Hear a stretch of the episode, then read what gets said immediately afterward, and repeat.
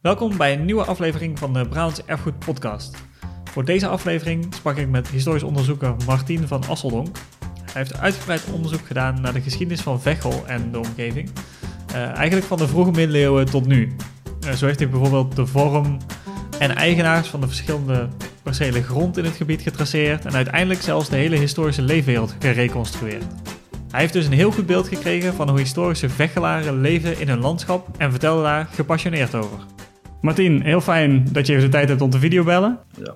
Je hebt heel erg uitgebreid onderzoek gedaan naar vooral de omgeving van Veghel, zeg maar, Noordoost-Brabant. En wat mij daarbij opvalt is dat het best wel een bijzondere manier van onderzoek is eigenlijk, of een bijzonder onderzoeksresultaat is ook. Kun je kort vertellen wat voor onderzoek je uh, doet en gedaan hebt daarvoor? Het verhaal begint al in 1986. Ik ging naar Sri Lanka werken en uh, ik had wat nodig om mee te nemen naar Sri Lanka om een avond mee te vullen. Ik was bezig geweest met het onderzoek naar mijn stamboom en ik kwam in, in Helmond in het archief oude belastingsboeken tegen, zijnsboeken. En ik had ook heel toevallig het archief van de heerlijkheid Jekschot, dat is een gebied tussen Wekkelen en Oedrode, mm teruggevonden. Op zolder ergens bij een oude man, de afstammeling van de laatste heer van Jekschot. En de archivaris van Vechel, Cornelis, die was daar heel erg mee in zijn nopjes. En zei, als ik iets voor jou kan doen. Ik zei, dat is goed. Ik ga naar Sri Lanka toe. Kopieer voor mij nou eens die oude belastingsboeken uit de middeleeuwen. Dat is allemaal mhm. Latijn, dus niemand die, die, die er ooit goed naar heeft gekeken of kunnen kijken. Dus ik kreeg zo'n 20 kilo papier mee. dat is allemaal in de rugzak. Dat ging dus allemaal mee. En ik ben al die boeken een beetje gaan vertalen, want het zijn uiteindelijk maar een beperkt aantal woorden aan elkaar gaan plakken. En uh, als je maar lang genoeg naar dat blad kijkt, dan beginnen die papieren terug te praten. En op een gegeven moment toen, toen ging ik verschillende jaargangen van die belastingboeken aan elkaar plakken. En dan zie je hoe, dat geld op een gegeven moment omgerekend wordt. Ja, ik kwam erachter dat in die oudste belastingsboeken, daar kwamen twee soorten munten voor. Oude penningen en nieuwe penningen van de hertog van Brabant.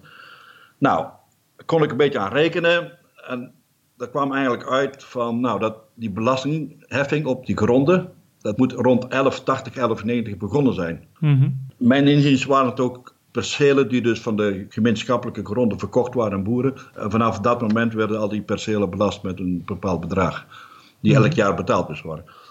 Als je weet wie er belasting inde, dan weet je ook wie er de baas was. Hè?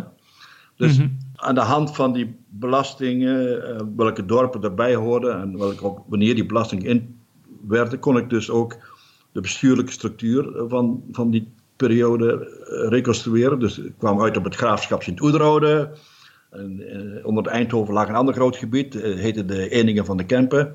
Nou, dat was één onderzoek. En dat onderzoek is, heeft uiteindelijk geleid tot de proefschrift, waar ik in, dus in 2002 mhm. op gepromoveerd was. Maar er was nog een andere mogelijkheid. Ik denk, als ik nu weet wanneer elk perceel van de gemeenschappelijke gronden verkocht is aan die boeren, dan moet het mogelijk zijn om een reconstructie te maken van de kaart van Vechel van 1180, 1190. Mm Dat is nog nooit gebeurd. Maar ja, dan moet je eigenlijk die hele reeks belastingsboeken moet je volgen tot aan de invoering van het kadaster in 1832. Dus ik begon ermee met een deel van Vechel, Zijtaart, waar ik er zelf woonde. Ik zat in Sri mhm. Lanka, dus dat was ook een beetje een emotionele band met mijn eigen dorp, zeg maar. Dus, een beetje heimwee. Ja, een beetje heimwee, ja klopt. Ik begon eraan in, denk ik, in 88 en in 96 had ik dan een kwart van Vechels een beetje klaar. Dus het was wel proof of principle, het kon. Mhm. Maar ja, toen uh, had ik er eigenlijk genoeg van. Ik had een jong gezin met opgroeiende kinderen, andere bezigheden. Ik denk, ja, ik zit mijn hele leven dadelijk hier uh, met die kaart op te tekenen. Dus ik, ik gooide het eigenlijk opzij. Maar op een gegeven moment toen uh, kwam ik op het archief in Vechel met oude, al die oude disketten steken en al die oude dingen. Ben ik er weer aan begonnen en uiteindelijk was dat in 2013 kon ik het laatste perceel uh, helemaal construeren wie er allemaal eigenaar van geweest is en wanneer elk perceel ontgonnen was. Toen had je dus een kaart van Vechel, van het begin van Vechel eigenlijk? Ja, vanaf 1190. En toen heb ik nog, uh, had ik denk van nou dat staat op het landschap. Maar ik wil ook mhm. een ander stuk, want ik had natuurlijk ook veel meer van Wechel over Wechel geleerd in die tijd. En toen heb ik nog twee jaar onderzoek gedaan naar de, ja, naar de kerk, bestuur, uh, gemene grond, uh, gezondheidszorg. Dus al die andere aspecten van het dorp. Dus dat is eigenlijk deel 2 geworden van het boek. Toen je die kaart gereconstrueerd had, zijn er nou dingen waarvan je zegt van, oh, dit is echt iets wat me heel erg opvalt in de geschiedenis? Of iets wat typisch is voor wat er in Vechel of, en in de omgeving van Vechel gebeurd is? Of? Wat ik terugvond in Mhm. is dat er ja, op het Havelt, dat is een bepaalde buurtschap, heeft een, wat wij dan noemen een, ja, een domein. Dus eigenlijk een groot landgoed gelegen, dat in mhm. handen was van een groot grondbezitter, of een heer mag zou je kunnen zeggen. Dat landgoed dat viel rond 1200 uit elkaar. Mhm. Waarschijnlijk kwam dat door bevolkingsgroei, want die, het was voor die heren goedkoper om mensen in dienst te nemen dan die horigen te eten geven, heel kort door de bocht gezegd. ja. Maar je ziet, voor die tijd zie je al dat er uh, heel grote percelen afgebakend werden van die gemeenschappelijke en verkocht. En dat mhm. eh, gebeurde in, in, de tweede helft van de 11e, dus na 1050 tot, tot 1200 was dat een hand. In Vechel zie je ook die percelen waar dus heel precies gemeten, afgemeten zijn. Die zie je vanaf 1050 verschijnen. En het gebeurt op vrij grote schaal. Dus voordat die uh, landgoederen uit, met die horen uiteenvielen, was er al sprake van een nieuwe economie met een andere insteek. Nou, rond 1200 mhm. worden die horen gekomen vrij. En in Vechel zie je dat er tussen 1200 en, uh, en, en 1300 een hele brede strook om dat oude landgoed wordt ontgonnen. Al die horigen, al die boertjes verhuizen naar, dat, naar die strook. Dat, mm ik heb ja ook alweer een ander uh, belastingsboek, kun je ook uit afleiden dat, dat je mensen eigenlijk over het algemeen nog honderd jaar later nog veel armer waren dan uh, de boeren in uh, de rest van Veghel. Als het land goed uit elkaar valt, dan zie je, wordt de kerk verhuisd. Want eerst werd die onderhouden door de heer en die stelde het pastoor aan, maar toen werden de parochianen verantwoordelijk en toen werd de kerk gebouwd op een plaats die goed toegankelijk was. Dat was eigenlijk bij de A-brug. Ja, waar nu de bibliotheek staat, zeg maar, in Veghel. Mm daar bij de kerk ontstaan, dan binnen 100, 200 jaar ontstaat er een kleine cluster van huizen. En dat is eigenlijk het ontstaan van Veghel zoals we dat later uh, kennen. Het begin echt van het dorp, ja, uh, zeg maar. Ja, ja, dus je had eerst dat grote landgoed met Horigen een stuk verder naar het zuiden, een paar honderd, 500 mhm. meter. En rond 1200 krijg je echt het dorp Veghel. Dat is aan deel 2 van mijn boek, hoe dat dan zich verder ontwikkelt. Zou je dat ook op andere plekken in Brabant kunnen, denk je? Ja, nou, dit, dat huizen zich verplaatsen van landgoederen naar uh, andere plaatsen, dat is archeologisch op heel veel plaatsen aangetoond. Mm -hmm. Ik denk dat veel van die uh, verhuizingen te maken hebben met de reorganisatie van, van het landgoed. En ik kan me voorstellen dat dingen als toponymie en de, de namen die mensen aan akkers gaven en zo, dat dat ook heel erg ja. meehelpt in jouw onderzoek. Ja, ja, want je ziet, voor 1200 was eigenlijk mm -hmm. alles bos. Bos uit natte moerasgronden, broeklanden noemen wij dat. Mhm. En dan zie je dus terug in heel veel veldnamen in Vechelen. Boekt en Beukelaar en, en, dat zijn allemaal bosnamen. Maar dan groeit je bevolking en de, het aantal bomen neemt terug. Voor, ja, die gebruiken ze om brandhout of, of huizen te bouwen. Dus de heide neemt toe. Mhm. Maar dan zie je de schapenteelt opkomen. Rond 1200, 1300. En dan rond 14, 15, 1600 krijg je dat, die uitgestreide heidevelden, die we van latere tijden kennen. En die we dus nu ook willen eh, bewaren, uh, conserveren. Maar het is natuurlijk een cultuurlandschap. Ja, die nu echt heel als iconische natuur worden gezien op heel Ja, maar als, als, je je niet met de heide bemoeit, dan wordt het gewoon weer bos. Ja, ja dat, dat is wel bekend. Want beginnen, de heide moet steeds actief uh, gewijd worden en die bompjes moeten omgekapt worden. Maar dat, die heide waren erop dat die schapen dat deden in het verleden mhm. natuurlijk. Ja. Toen die boeren vrij kwamen en die bevolking toenam, kreeg je dus ook heel veel druk op die woeste eh, gronden, die gemeenschappelijke mhm. gronden. Die waren heel belangrijk voor de landbouw, want die schapen en het vee dat graasde op de heide, maar die mest die werd verzameld en daar werden die akkers mee uh, vruchtbaar gemaakt of gehouden zo, zo goed en kwaad als het kon.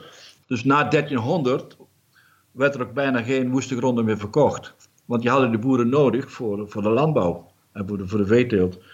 Dan krijg je eigenlijk ook een stagnatie in de groei. En dan denk je, wat doen al die boerenzonen dan? Ja, die gingen naar de stad. Dan zie je die steden opkomen als een bos en uh, eind van Helmond. En je had ook heel veel oorlogen. Hè? Dus die bevolking mm die leed er ook wel onder, die bevolkingsgroei. De geboren gemeenschappen beginnen onder elkaar die, eh, gemeen, die grenzen af te bakenen. En dat ging nogal eens vaak per parochie. Dus die prochiaden van Vechel zeiden tegen de prochiaden van Erp... Nou, dit is de lijn. Tot hier mogen wij komen, onze schapen, en daar uh, jullie. Of voor het mm turf steken. Ja. En tussen Vechel en Erp mochten ze allebei die grens over met schapen. Maar voor turf steken was het wel uh, belangrijk. En dan rond 1300 komt de hertog van Brabant en die bevestigt die al lang bestaande grenzen. Die, die grenzen zijn rond 1180, 1200 denk ik ontstaan. rond 1300, 1320, geeft de hertog officieel vergunning aan die boeren om die grond te gebruiken. En daar moeten die boeren dan elk jaar voor betalen. maar de hertog in ruil die helpt hun als ze dus overtreders moeten bestraffen. Dan kunnen ze die voor de rechtbank brengen. Nou ja, die situatie blijft redelijk stabiel tot 1750, 1800, door de periode. Mhm. En dan wordt er weer heel veel ontgonnen. Dan staat er het idee van woeste gronden het zijn nutteloze gronden. Maar er komt ook de invoer van kunstmest. Zijn ze niet meer nodig om nee, die zijn ze gewoon niet meer nodig. Dan gaan ze een heel snel tempo worden. Als je die oude topografische kaarten langs elkaar legt, dan zie je dat, dat, dat arealen aan, aan, aan heidegronden en zo dus heel snel minder wordt. Ja, en dan krijgen we de, uh, de ruilverkaveling in 1950. Die ruilverkaveling is een behoorlijk ingrijpende verandering geweest in het landschap. En vrij recent dan. Zijn er nu nog dingen die je herkent uit het landschap van de middeleeuwen of van de 17e eeuw? Akkers die hetzelfde zijn of uh, um, heuveltjes of wat dan ook? dat is een goede vraag. Volgens mij zijn het voor een heel groot deel elementen toch weer uit de 19e of de 20e eeuw. Dat zijn uh, huizen, uh, dorpsgezichten. Dus wat echt ouder is, dat is ja, sommige huizen of kastelen zijn natuurlijk oud, maar het landschap, ik denk heel weinig. zelfs de beken zijn genormaliseerd, die gaan ze nu weer terugbrengen in, een, in natuurlijke staat. Wat ik altijd wel zie is bijvoorbeeld of een akker heel oud is, omdat je dan bol is. Die werden dus bemest met, uh, met mest, maar die mest werd met stro en zo vermengd. Dus die, uh, er zat ook wat zand op, dus die, die ijsdekken, die werden steeds dikker. En aan de kant liep dat wat af. Dus je ziet aan die vorm van die akkers, zie je al wel, oké, dit is een oude akker. En dan is het helemaal... steeds een laagje bovenop gelegd eigenlijk. Ja, dat, dat zie je dus nog wel. En als een akker helemaal vlak is, dan is het ofwel ontgrond, of het is uh, dus, ja, 19e, 20e eeuw. Hm. En uh, dat geldt dan ook voor uh, toponiemen? Dat zijn dan denk ik ook heel erg 19e eeuwse dingen, of zijn die wel uh, ouder? Die, wat ik dus zei, dat oude domein in Veghel, een van die mhm. dingen wat dat volgt uit de bodem, dat volgt uit, uit verschillende dingen, maar ook toponiemen. Want toponiemen uit de vroege middeleeuwen, dat zijn soms uh, namen die op een T eindigen. En die T, mm -hmm. dat is een, uh, een verzameltoevoeging. Uh, we hebben ook gebergte, menigte, hè? Dat is, die T. Mm -hmm. Ja, dus zijn meerdere je, bergen. In de Veghel heb je dan op dat oude domein heb je drie toponiemen, eigenlijk maar drie. Eén is boekt, en dat is bukkenbomen, zeg maar. Mm Anders russelt. En russelt heeft te maken met gras. En de andere is akert. En akert, dat is eigenlijk de oude vroegmiddeleeuwse meervoudsvorm van akkers. Dus je had daar de, het bos en het, de beemden of het gras en de akkers. Als uh, cluster oude naam is dat heel mooi bewaard daar, ook uh, in, het oude, in het oude domeingoed. Ja. Oh, gaaf. Maar die vroegmiddeleeuwse namen zijn over het algemeen in in de minderheid. En dat is wel een manier om stukjes landschap of stukjes cultuurlandschap te, te dateren, als het ware. Ja. Zo'n bolling bijvoorbeeld, maar ook een toponiem die er misschien nog aangegeven ja, is. Voor de volle en de late middeleeuwen, dus uh, na 12, 1300, dan heb je redelijk veel historische bronnen die je kunt mhm. gebruiken. Maar als je daar terug wil naar vroegere periode, dan zijn die geschreven bronnen bijna altijd afwezig of bijna afwezig. Dan zijn de belangrijkste bronnen die je overhoudt, zijn de archeologie. En de Vechel zijn ook wel redelijk wat opgravingen gedaan op dat domein. Hebben ze ook inderdaad huissporen gevonden. Dus uit de 7e eeuw, 8e eeuw, 19e, 10e eeuw.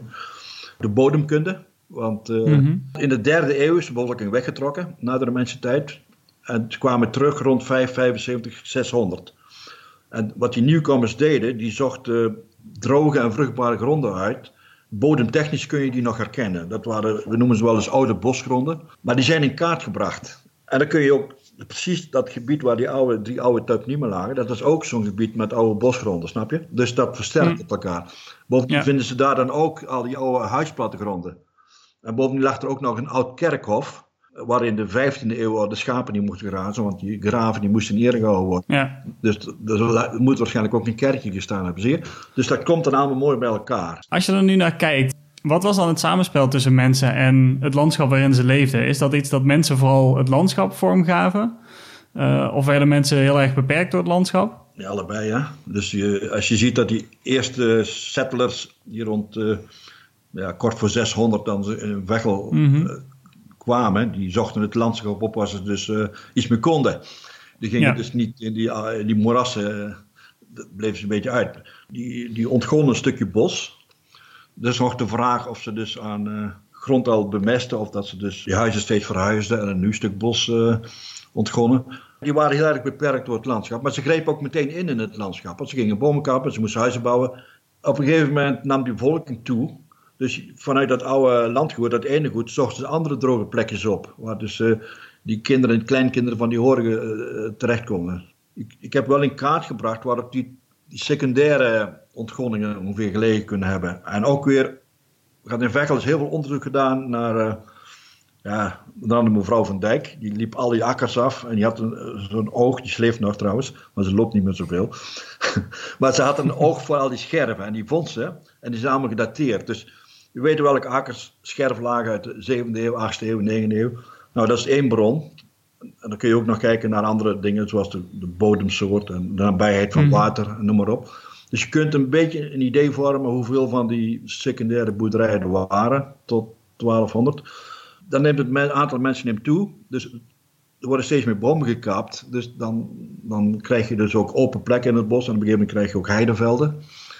Dus dan gaan mensen dus ingrijpen in het landschap. Dus het is allebei een beetje. In het begin het misschien heel erg uh, dat mensen beperkt werden door het landschap, maar hoe meer ze gevestigd waren, uh, hoe meer controle ze zelf konden uitoefenen op dat uh, ja, landschap. bijvoorbeeld ze gingen beekjes graven en de, de afwatering mm -hmm. verbeteren. Dus de oudste bewijzen daarvan, aanwijzingen van, dateren ook uit 1100, 1200.